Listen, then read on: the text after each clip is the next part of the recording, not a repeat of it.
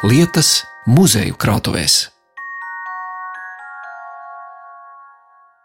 Bauskas centrā iepretim vecajam tirgus laukumam, tagadējam rātslaukumam, senā trīs stāvu namā, izbijušā viesnīcā jau vairākus gadu desmitus darbojas Bauskas muzejs. Un šeit lūkosim dārgumus gan no muzeja krājuma, gan arī no ekspozīcijas. Te klausīsimies stāstus par iecavas fotogrāfa Teodora Bidaga uzņemtajiem latviešu leģionāru portretiem, uzzināsim, cik maksāja alus Lodinga alus darītavā, un iepazīsim vienu no pirmajiem televizoriem, kas Bauskā nonāca 1955. gadā.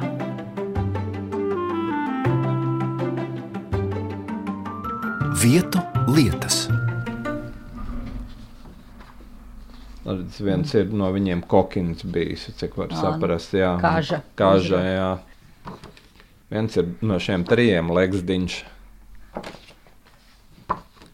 Gailis. Es skatos, visu laiku domāju, nu, cik daudz pāri pa 200 cilvēkiem, te ir kas ir fiksēti. pieņemu, visiem viņiem dzīves un likteņi tika sabojāti vairāk vai mazāk. Jā, un mēs- viņu ģimenēm. Mēs, diemžēl, nezinām, cik no viņiem caur kara dzirnām vispār dzīvi izvēlējās. Bauskas muzeja vēstures nodaļas vecākais speciālists Raits Sābelnieks uz galda kārto kaudzi ar melnbaltām fotogrāfijām, kurās redzami kareivi, kas 1943. un 44. gadā tika iesaukti Trešā reiha bruņoto struktūru sastāvā. Latviešu leģionāri, kas Otrajā pasaules karā cīnījās par brīvu Latviju. Raugos uz jauniem vīriešiem, daži pozē kopā ar sievām un bērniem, citi ar līgavām. Vairākos simtos fotografiju var izsekot līdzi leģionāru formas tērpiem, militārajām zīmotnēm un ieročiem. Šos attēlus savulaik savā fotosalonā Iecavā uzņēma fotogrāfs Teodors Bideks. Jo toreiz es ticēju mīlai, es ticēju laimei un tev.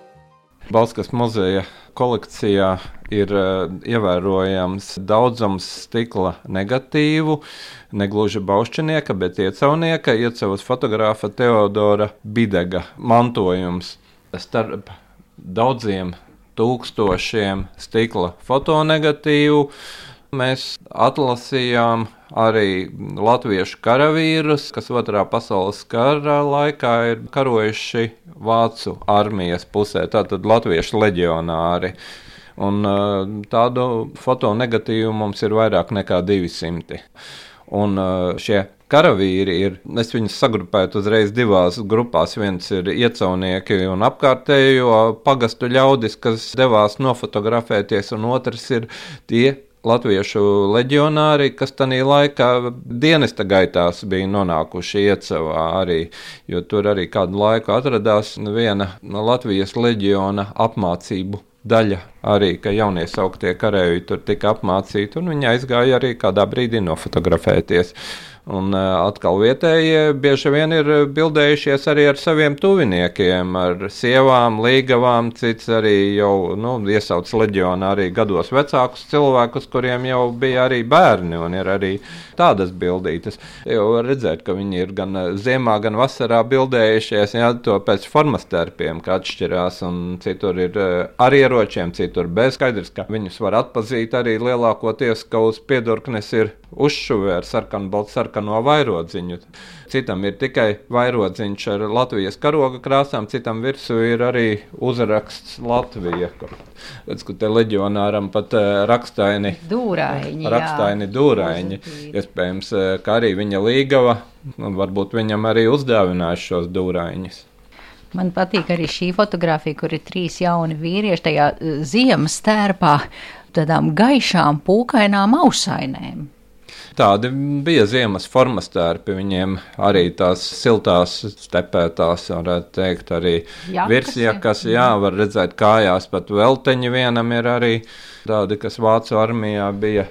Nu, šeit, šeit, piemēram, var redzēt pavisam jauns puisis. Bet viņam pie krūtīm ir tūciņas nozīme. Tātad eh, viņš nav tikko iesaukts, bet viņš ir bijis frontē un viņš jau ir uh, sīvās ciņās piedalījies, jo šī Vācu armijā bija tūcīņas nozīme. Es varu minēt, vai šī kolekcija ir unikāla, vai vēl kaut kur ir atrasts tādi leģionāri fototēli. Ir arī citur uh, saglabājušies kādi negatīvi, bet tik lielā skaitā. Es godīgi sakot, nezinu. Saprotams, ka kara laikā daudz fotografējās, bet uh, pat ģimenes albumos taču iznīcināja visas bildes, kur bija latviešu leģionāri, jo varēja attiecīgo iestāžu pārstāvji, miliči, čekisti, nu, dažādi padomju okupantu līdzskrējēji ģimenes albumā pamanīt šādas bildes, un, teiksim, Staļina laikā ar to vien varēja pietikt arī izsūtīšanai uz Sibīriju. Vēlākos laikos uz Sibīriju vairs nesūtīja, bet nu, dažādas represijas pret tiem cilvēkiem piemēroja.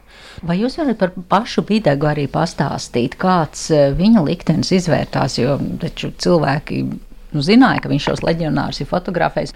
Vai viņu represijas pēc tam skāra, neskāra? Viņa skāra represijas, jo viņš jau pats arī neatkarīgās Latvijas laikā bija aizsargu organizācijas biedrs. Arī, nu, protams, mums ir kolekcija arī daudz fotografijas, kur ir um, aizsargi un Latvijas armijas karavīri un tā tie varbūt tik daudz netika pēc tam eh, tāda veida fotografijas tik ļoti iznīcinātas kā leģionāru fotografijas. Tāpēc šodien tieši nu, šos leģionārus izvilku dienas gaismā.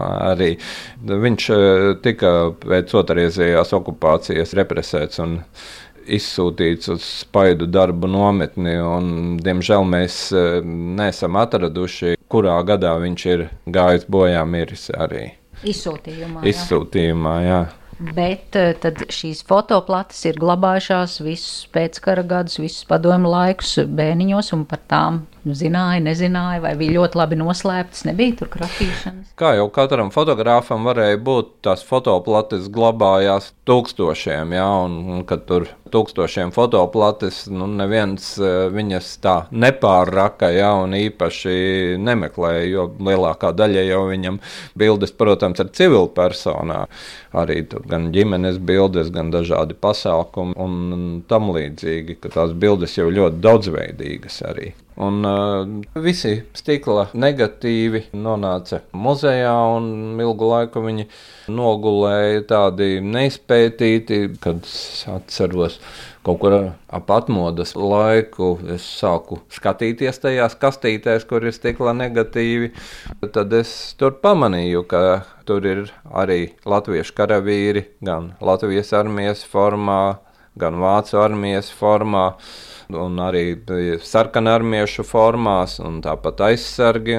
Tad sāku atlasīt arī tās bildītes. Vēl jau interesanti, arī viņam ir fotografiju sērija 40. un 41. gads, kad e, Iecavā uzturējās arī no sākuma Latvijas armijas jātnieku pulka daļas, pēc tam viņš bija jau teritoriālais korpus padomju Latvijas un pēc tam pārveidojās par sarkanu armiju. Un tur tādās fotografijās var labi redzēt, ka no sākuma ir tādas nu, klasiskās Latvijas armijas formas ar visām zīmotnēm un atšķirības zīmēm un uh, šo saulīti, un pēc tam viņas pārveidojās pamazām teiksim, saulīte aizstāja piecstaru zvaigznē, tas formas starps jau vēl palicis Latvijas armijas, ja? un tad mainās tās zīmotnes arī pie apaklītes, ka vairs nav Latvijas armijas, bet sarkana armijas. Tam visam var izsekot līdzi viņa fotografijās, kā notika tā Latvijas armijas pārveide par sarkanās armijas daļu arī.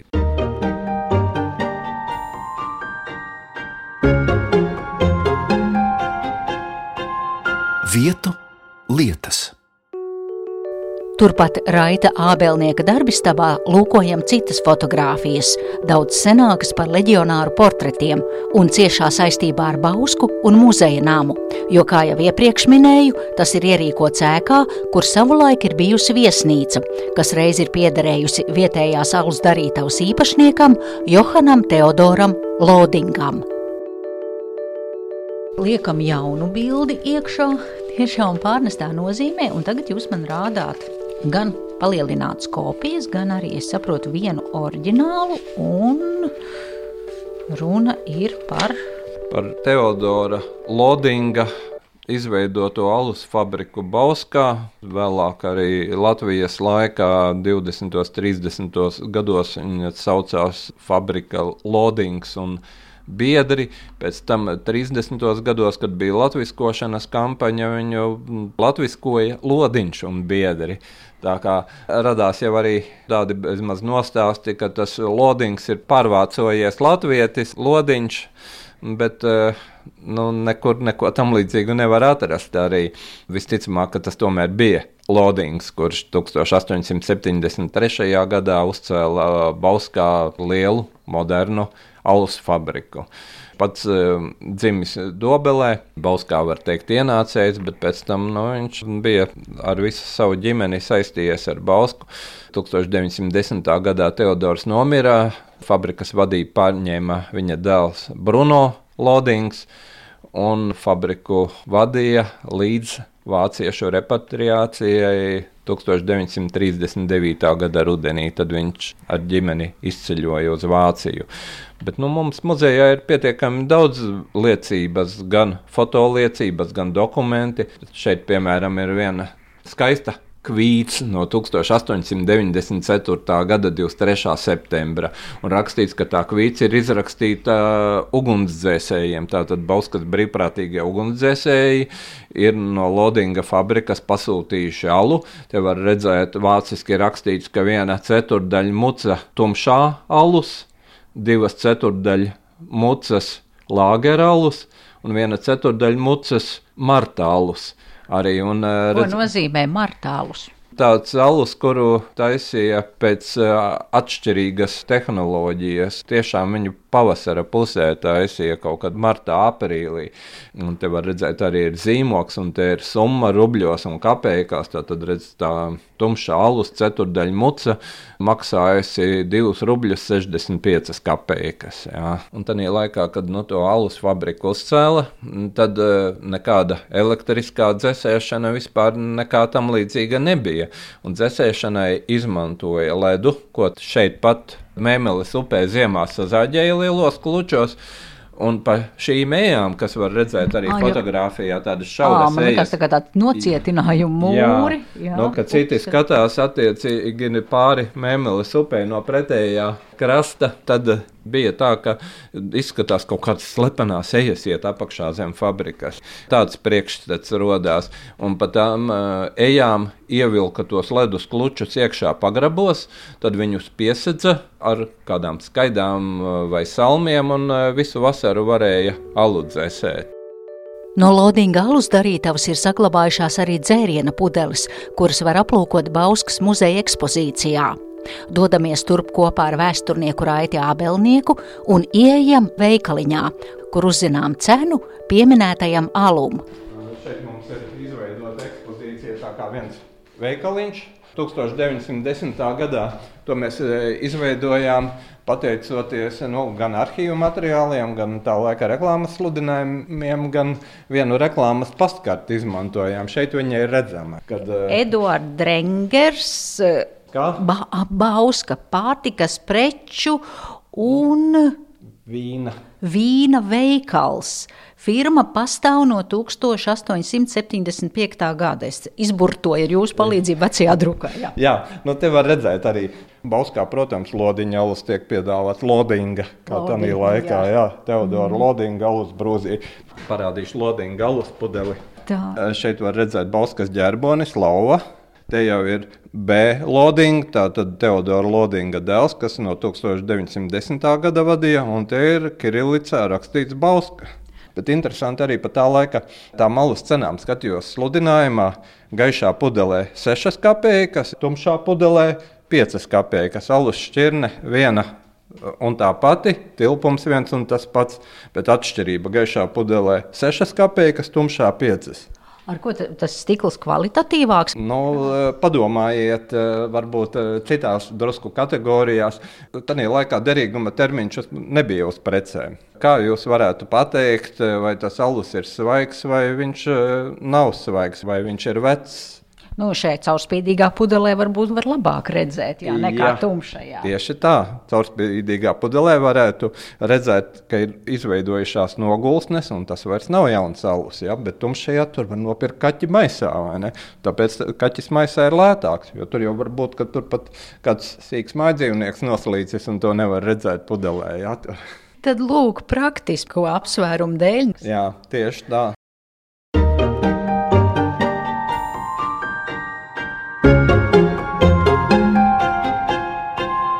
Vietu lietas. Pastāvīgajā ekspozīcijā ir laiks arī nākamajam stāstam par televīzijas ienākšanu Bauskā.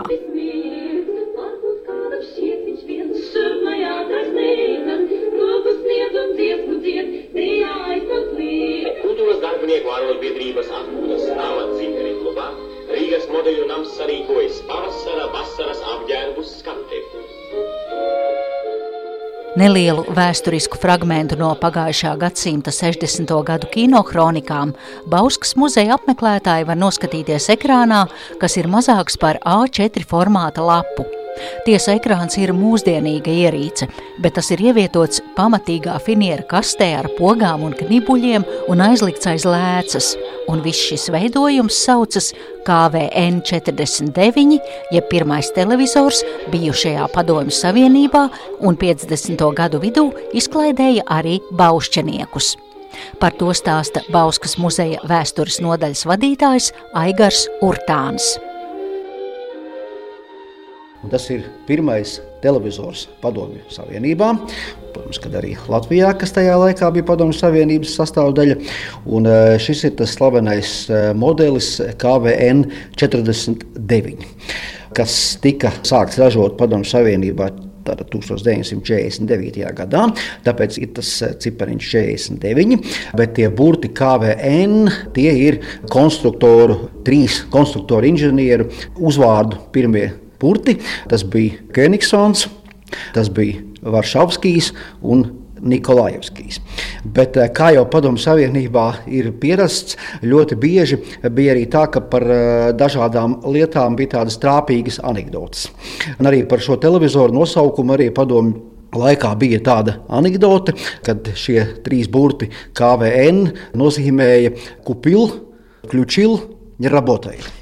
Jā. Nopirku, ieslēdzu un nestrādā. Šim stāstam par to, ka nopirku, ieslēdzu nestrādā, ir arī tāds racionāls izskaidrojums. Ne jau tāpēc, ka varbūt tas televizors bija brāķis, kas arī padomu laikā bija nemazums, jā, bet uh, tur bija tā, ka pirmie modeļi bija tādi, ka viņam tur iekšā bija 16 dažādi izmēra radiolampas, un uh, bija tā, ka tās lampas ļoti ātri izdega, jā, un tāpēc tas stāsts bija par to, ka nopirku, ieslēdzu un nestrādāja. Ka ļoti ātri tās lampas izdega. Jā.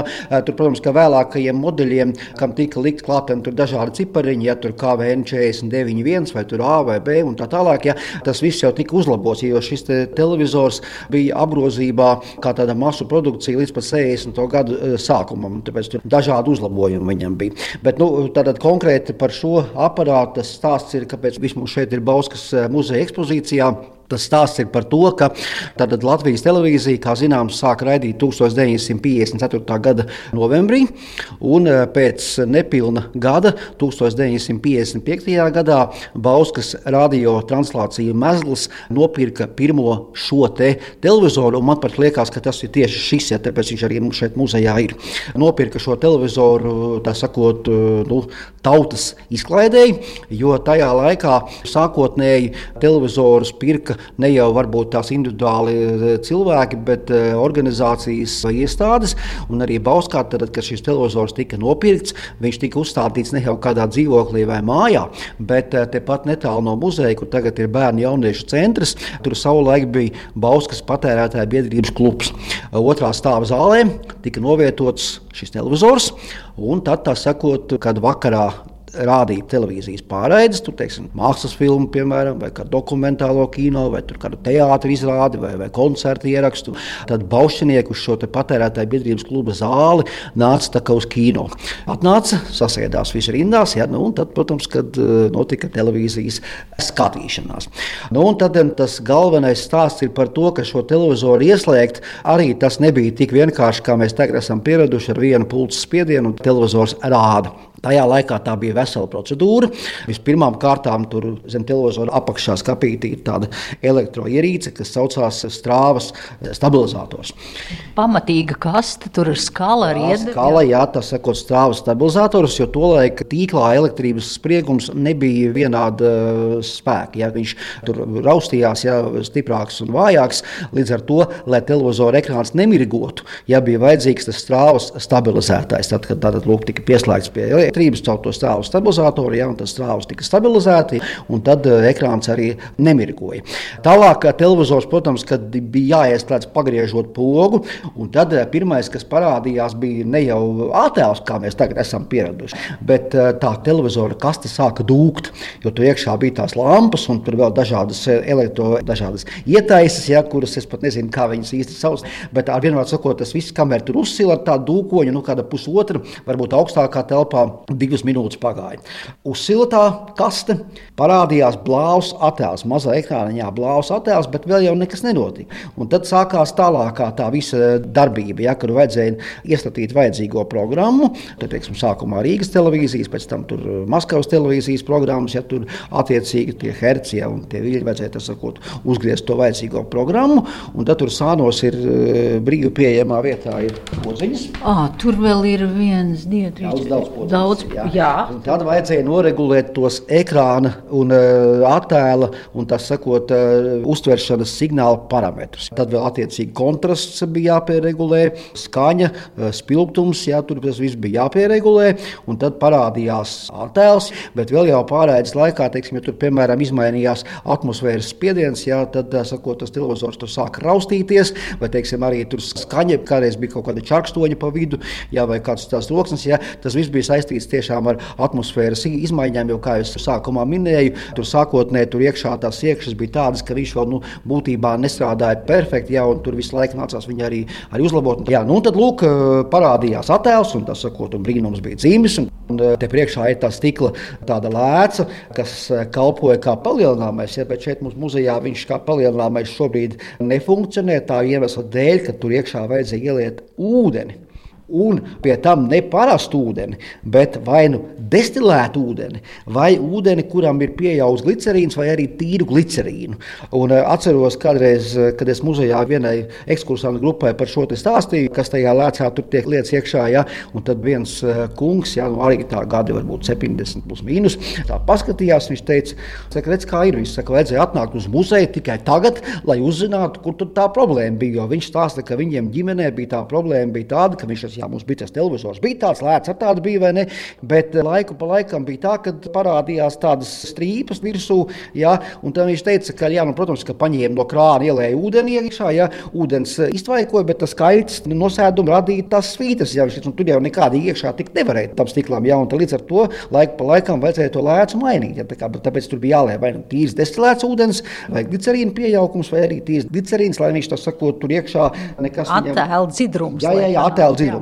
Nu, un tad loģiski, un tad pēc fizikas likumiem tur ir tāda vienā pusē taisna virsma, ja izliekta virsma, jā, un tā tas viss tiek, sakot, smuki palielināts, jā, un tas sakot, un ekrāns redz, un tālūk, tad, tad funkcionēja šāds te tehnikas brīnums, jā, tad, nu, tad lūk, tāds eh, ir tas stāsts par šo aparātu. Daugavas komanda un Amerikas Savienoto Valstu sastādītā. Rīgā lielā hokeja diena. Arī tagad Bauskas muzejā var atgriezties teju 70 gadus senā tehnoloģija pagātnē un 20. gadsimta ekspozīcijā kolektīvi palūkoties mazajā melnbaltajā ekrānā.